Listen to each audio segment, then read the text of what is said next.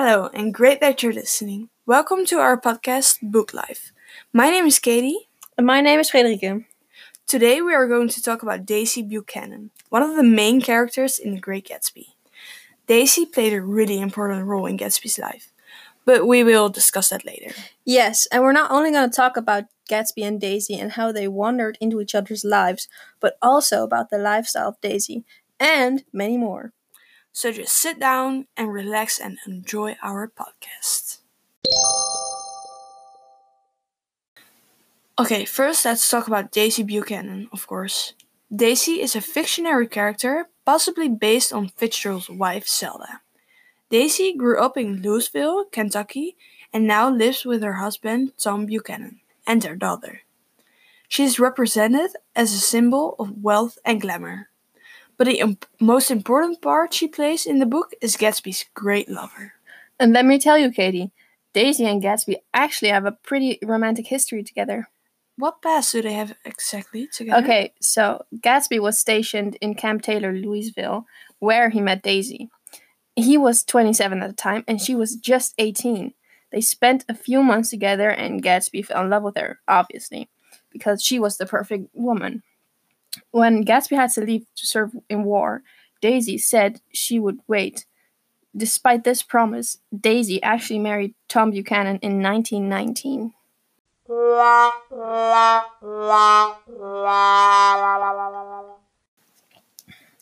I think it's really sad that when Gatsby came back from war, Daisy didn't wait for him.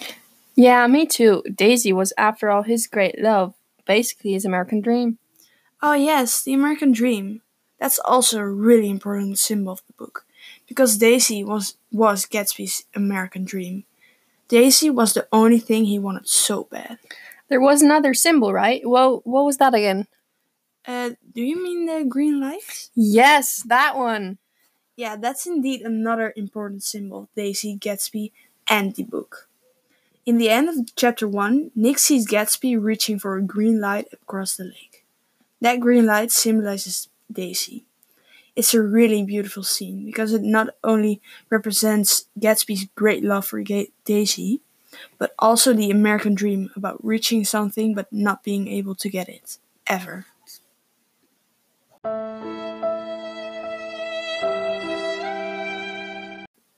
Yeah, it's crazy how much meaning there is behind this little green light.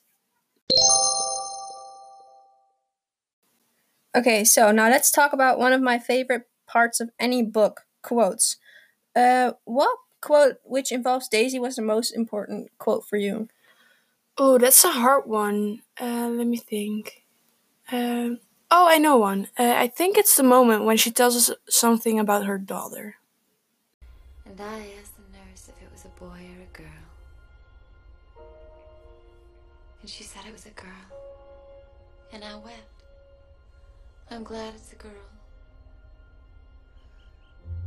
And I hope she'll be a fool. That's the best thing a girl in this world can be. A beautiful little fool. Yeah, I think that's a really strong quote. I like that quote really much because because it shows how it felt to be a woman in the world they lived in. And not only that, it also shows how smart Daisy actually is. But she can't show that because she lives in um, how do you describe this? Such a manly world. That's it for now. Thank you for listening to our podcast. We hope you enjoyed and, of course, like listen to us. We'll see you next week with another great character from another great book.